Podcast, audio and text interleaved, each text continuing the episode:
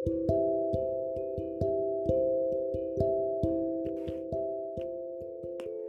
ini aku ingin memperkenalkan tempat yang diinginkan semua orang Muslim yang berakal. Tempat yang indah dibanding Pulau Dewata, lebih indah dari Raja Ampat Papua, lebih indah dari segala hal yang paling indah di dunia. Ya, ialah surga. Tak semua orang boleh masuk ke sana. Orang murahan tidak bisa masuk ke sana. Orang yang murahan attitude-nya, murahan penampilannya, murahan cara bicaranya, murahan sikapnya tidak bisa. Tak akan pernah bisa masuk ke sana.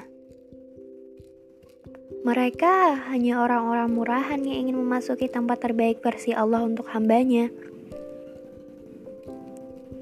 Surga itu mahal. Mendapatkannya pun perlu perjuangan.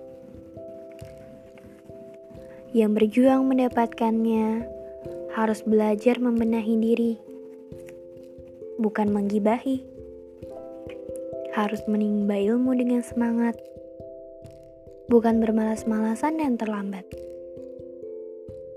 Harus mematuhi orang tua, bukan menyakitinya. Harus berusaha memahami agamanya, bukan malah takut peraturan agamanya. Disuruh jangan pacaran, malah melakukan pembelaan. Bela pacar mati-matian, Gak bisa.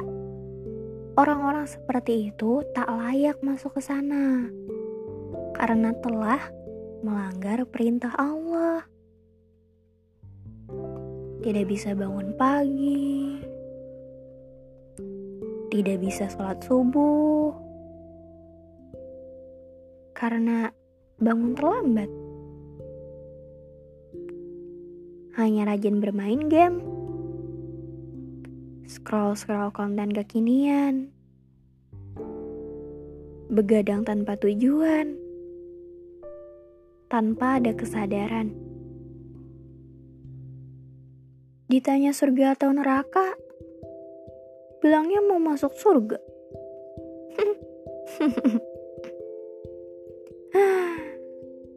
Emang gak ngaca. Mau tahu seperti apa indahnya surga? Hmm.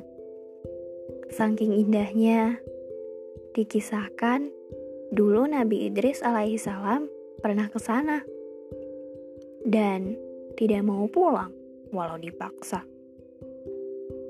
Tidak, tidak, kamu gak usah membayangkan indahnya surga. Karena tak akan seindah yang ada di bayanganmu. Tapi lebih indah. Sesekali, marilah ingat mati. Jangan pernah gengsi untuk kembali pada robmu ya. Dosamu segunung, ampunan Allah sebesar bumi. Semesta pasti memberimu kesempatan kedua.